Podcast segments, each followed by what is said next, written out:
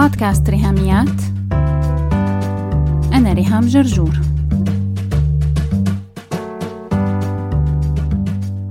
مرحبا. اليوم رح نبدأ سلسلة حلقات عن موضوع نحن كإناث بأمس الحاجة إله وخاصة خاصة بعد عام الوباء. كملنا سنة في ظل جائحة كورونا ولو وقفنا وقفة هدوء وتأمل يمكن نلاحظ العبء يلي نحط علينا. نحن كبنات وسيدات وأمهات بسبب وباء فيروس كوفيد 19 أي حدا هوم ميكر أي حدا مسؤولة عن آخرين تحت سقف بيتها أو تحت سقف حياتها رح تفهم علي كيف الأزمة ضربتنا ورمت علينا حمل كتير تقيل. طبعا أسهل شيء إنه اللي يسمع كلامي صنفه تلقائيا إنه زن ستات ونق وندب. بدل ما تحمدي الله نازلة تذمر وموال رثاء النفس كالكلب الذي يلعق جراحه. لا الهدف من سلسلة حلقات ترفقي بنفسك ليس التذمر ولا الهدف هو لعق الجراح. لكن هالحلقات هي تحدي لكل حدا عم يسمعني هلأ. وتحدي إلي أنا أولا أنه نفتح عيوننا بكل شجاعة وموضوعية ونشوف فعلا تفاصيل الثمن اللي عم ندفعه نحن كإناث بسبب أزمة كورونا. اللي عنده الجرأة والشجاعة الكافية يشوف الحقيقة فإلك وإلك كامل التحية والاحترام. شابوبا وخلونا نبتدي نغوص بفكرة الترفق بالنفس self compassion يلي أنا اخترت لها صياغة مختلفة شوي. بدل ما أسمي الموضوع الترفق بالنفس برأيي نحن محتاجين نسميه ترفقي بنفسك. إنه هالكلمتين يكونوا بصيغة رسالة أو صيغة نصيحة أو حتى صيغة رجاء. ترفقي بنفسك. رجاء بقوله لحالي كل يوم صباح الخير ريهام. ترفقي بنفسك. وبكرره لحالي خلال اليوم. مرحبا ريهام. ترفقي بنفسك. وإنت كمان هلأ قولي لحالك مرحبا فلانة ترفقي بنفسك.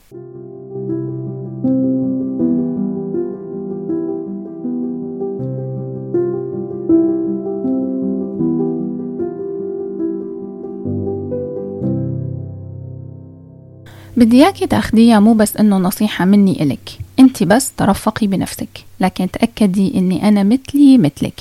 محتاجة نفس النصيحة. وهذا الحقيقة هو السبب الأساسي يلي خلاني قررت إني أرجع لكتبي وراجع موضوع self-compassion وإني أشتري كتب ثانية أحدث وأدرسها ودور فيها لحتى أنا بالأول أتعلم هالمهارة لأقدر إني أعلمك إياها. كوني اختصاصية علم نفس بدراستي وشهاداتي الجامعية وشغلي الحالي فهذا لا يعني أنه عندي حصانة من المشاكل والتحديات يلي كلنا منمر فيها. لكن اللي عندي إياه مختلف هو الخلفية العلمية والبحثية والمصادر يلي بتخليني قادرة أحضر هيك موضوع وساعدك. بس بتعرفي شو؟ كوني اختصاصية بخليني دايما حاسة بمسؤولية إني لازم أقدم هيك موضوعات بطريقة في متناول الجميع. فهالمسؤولية بقى بتحسسني بالتقصير الدائم وبتدخلني بدوامة جلد النفس وبتزود احتياجي إني أترفق بنفسي. شفتي؟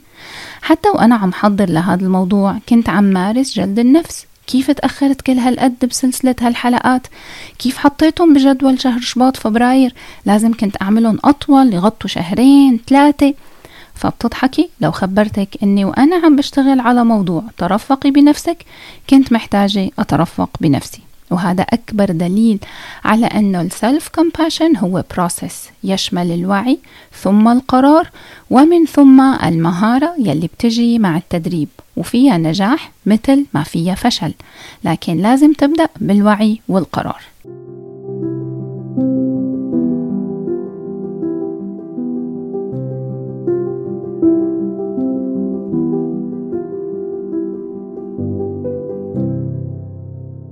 طيب يمكن تسمعيني وتقولي ليش مكبرة الموضوع إنه مو مستاهل؟ يعني ترفقي بنفسك يعني self-care وإني أعتني بنفسي راعي صحتي وراحتي وغذائي.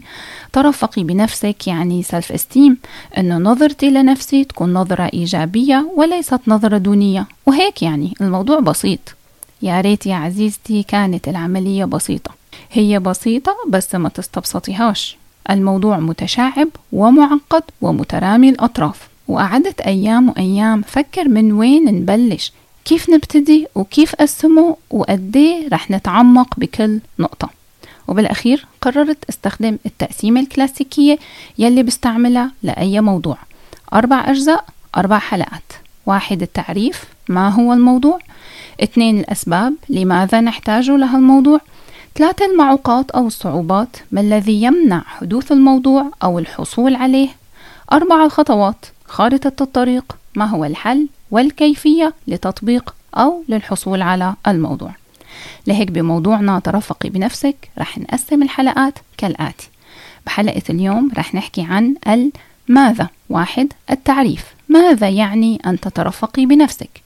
وبالحلقات الجاية رح نكمل حلقة 94 تحكي عن الأسباب لماذا أنت تحتاجين لأن تترفقي بنفسك. حلقة 95 ما هي المعوقات؟ لماذا تجدينه أمرا صعبا أن تترفقي بنفسك؟ حلقة 96 ما هي الخطوات؟ كتالوج الطرق والتمرينات والأفكار والسلوكيات لتترفقي بنفسك. هلا قبل ما نبتدي بتعريف ال self-compassion تخيلي معي السيناريو التالي. أنا وأنتي وهبة رفقات ومرة كنا طالعين مشوار سوا وقاعدين بكافيه وعم نتحدث. انتي فجأة لقيتيني عم قول لهبة ليش انتي تخنانة يا هبة كل هالقد؟ صايرة مثل البقرة. إنه بتشوفي حالك بالمراية ولا تعميتي؟ ولا تقولي لي حجة إنه ولادك لسه صغار انتي ولدانة كريم من سنة فخلص صار لازم تنحفي بقى. رح يفوت كريم على المدرسة وأنت ما بتفوتي من الباب ما شاء الله. وشو يعني مسؤوليات البيت وتربية كرمة وكريم وأهلك وأهل جوزك وشغل البيت؟ ما بيتك مثل الزريبة أصلا. معفن وريحته طالعة وحالته حالة. وانتي على فكرة أخذي أجازة من المكتب بعد أصلا أجازة الأمومة. يعني هاي إجازة بدون مرتب حبيبتي. يعني أنت ما بتقبضي يعني شحادة بتمدي إيدك لجوزك ليطعميكي. وراكبك التقصير من راسك لأصابع رجليكي مقصرة مع أولادك مقصرة مع جوزك مقصرة مع أهلك وحماتك. ومعنا نحن كمان ما منشوفك. صرنا من قبل ولادة كريم. ما طلعنا هيك طلعة. ما اشتقتي لتيابك يا شيخة؟ بتضلي لابسة تياب البيت بالبيجامة وريحتك طالعة مو فاضية تتحممي ولا تنزلي على الكوافير. تزبطي هالمنظر اللي ما بينطص يا ساتر يا رب. هون بقى الكاميرا جايبة zoom على وجهك انتي يعني لو هاد سيناريو مسلسل فإجا دورك. أنا صعب أتخيل شو ممكن تقولي أو تعملي. الميكروفون معك. أو يمكن مانك محتاجة مايك لأنك رح تدلقي علي كاسة المي اللي قدامك على الطاولة وتشدي هبة من إيدها وتمشوا وتطلعوا برا الكافيه. وتسمعوني عم قول شو بكن؟ وين قايمين يا صبايا؟ ليش زعلتوا؟ لك هبة أنا عم أقول هيك لمصلحتك حبيبتي حتى حفزك وأعطيكي دافع. يو شو ما عاد حدا استحمل نقد بناء هالأيام. يعوزني الوقت حتى حلل كلامي لهبة لكن يلي واضح إنه ما اسمه لا حافز ولا نقد بناء هذا تنمر مكتمل الأركان بتعرفيها الجريمة مكتملة الأركان؟ ويا ترى ليش بيسجنوا المجرمين؟ صح بتربحي معنا غسالة أوتوماتيك حتى ما يكرروا الجريمة يلي أنا قلته لهبة هذا pure bullying تنمر وأذى يلحق الضرر والألم والمعاناة بالضحية. وهلأ هون السؤال.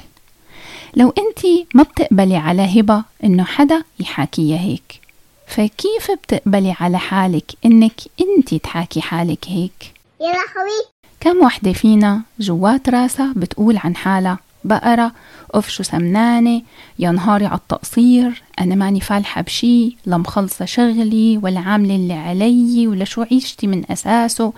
أنا ماني ذكية كفاية ولا ناجحة كفاية ولا شاطرة ولا مميزة ولا حتى حلوة. شكلي بيقرف وجسمي بشع وشعري وطولي وبشرتي وطريقة كلامي وطريقة تفكيري وشغلي وتقصيري. و و و و التنمر المكتمل الأركان هاد لازم يتحط له حد. الجريمة بتودي المجرم للسجن حتى ما يكررها. لكن الصوت اللئيم براسك وراسي حر طليق. أنا وإنتي أحرار لسنا وراء القضبان. فمنكرر هالجريمة بحق حالنا يوميا وكذا مرة باليوم. خلينا نطلع فاصل ونرجع نحط فاصل بيني وبين هذا الصوت اللئيم يلي جوا راسي.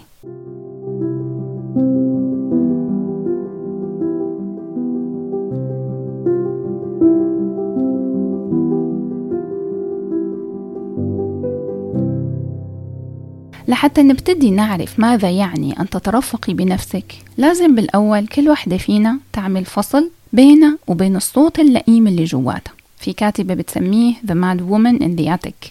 أنا بقى سميته لهذا الصوت اللئيم صوت الندام. سمعتيني صح؟ هاي مو غلطة sound editing أنا ما قلت مدام أنا قلت ندام. تعي لعرفك يا عزيزتي على الندام يلي براسك وبراسي. الاسم سهل إنه نحفظه شبه اسم مدام بس رح نحط نون بدل الميم. النون لكلمة ناقدة. دال يعني داخلية. ألف يعني ألم. آه ميم يعني متنمرة. أهلا وسهلا. تشرفنا. Enchantée nice to meet you يا ندام. ناقدة داخلية. آه متنمرة. وهذا الاسم منه بنحصل على صياغة خاصة إلنا نحن هون ببودكاست ريهاميات. لنفهم تعريف ترفقي بنفسك. ترفقي بنفسك لا علاقة له بالنقد وهو بيحصل داخليا وهو أمر فيصل بالألم والمعاناة. وغيابه غياب السلف كومباشن هو مرتع للتنمر. ندام ناقضة داخلية ألم متنمرة. لهيك تعريف ترفقي بنفسك إنه هي عملية إسكات الناقضة الداخلية. ترفقي بنفسك يعني أوقفي الصوت اللئيم يلي بيكذب عليكي بيقلك إنه أنا نقد وأنا حافز بس هو أبعد ما يكون عن التحفيز مثل ما رح نشوف بالحلقات الجاي. الألف للألم والآه والآخ وكمان قدام شوي رح نشوف علاقة ال self-compassion مع الألم والمعاناة. الميم متنمرة. لأنه ما عندي حل وسط. يا عندي صوت ندام المتنمرة يا عم اتدرب وأمارس الترفق بالنفس.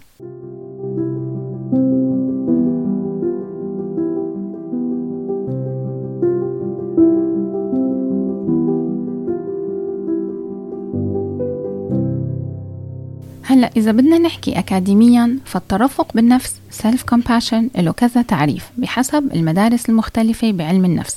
لكن الحلو هو اللي صار خلال العشر سنين الماضيين كيف تضاعفت كمية الأبحاث والكتب يلي بتتناول موضوع الترفق بالنفس.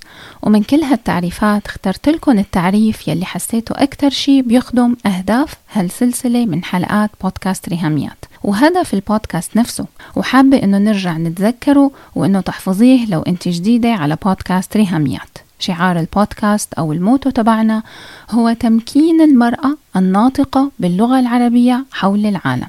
سنة الماضية بال 2020 عملت دورة تدريبية مجانية سميتها تاء مبسوطة سالمة. وهذا ال course بتلاقي فيديوهاته كلهم متاحين على ال YouTube channel ريهام جرجور بمجرد إنك تكتبي هالثلاث كلمات. تاء مبسوطة سالمة. بتلاقي 20 فيديو لسنة 2020 ومكملين بنفس الشعار هالسنة كمان. ولحتى ساعدك بحياة التاء المبسوطة. السالمة صممت لك دفتر التدريب اليومي Life Book 2021 اكتبي لي إيميل على ريهاميات at gmail.com وببعث لك تصميم الصفحة الداخلية مجانا تماما حتى أنت تطبعيه بالطريقة الأنسب لك وتعملي التدريب اليومي. لهيك ال self compassion والترفق بالنفس هو في صلب تمكينك كأنثى ناطقة باللغة العربية. لغتك الأم هي لغة الضاد وين ما كنتي حول العالم حتى ساعدك كيف تعيشي تاء وتعيشي مبسوطة وتعيشي سالمة. هلأ ليلي عم تكتب وراي لو معك ورقة وقلم فتعريف الترفق بالنفس هو الشعور أو الإحساس المرهف تجاه المعاناة الشخصية ومعاناة الآخرين. مع الالتزام العميق بمحاولات التخفيف من شدة هذه المعاناة وأيضا تجنبها. رح أقوله مرة تانية هو الشعور أو الإحساس المرهف تجاه المعاناة الشخصية ومعاناة الآخرين. مع الالتزام العميق بمحاولات التخفيف من شدة هذه المعاناة وأيضا تجنبها. لو بيساعدك تعرفي هالمصطلحات بالإنجليزي فالتعريف بيقول Compassion can be defined as a sensitivity to the suffering of self and others with a deep commitment to try to relieve and prevent it.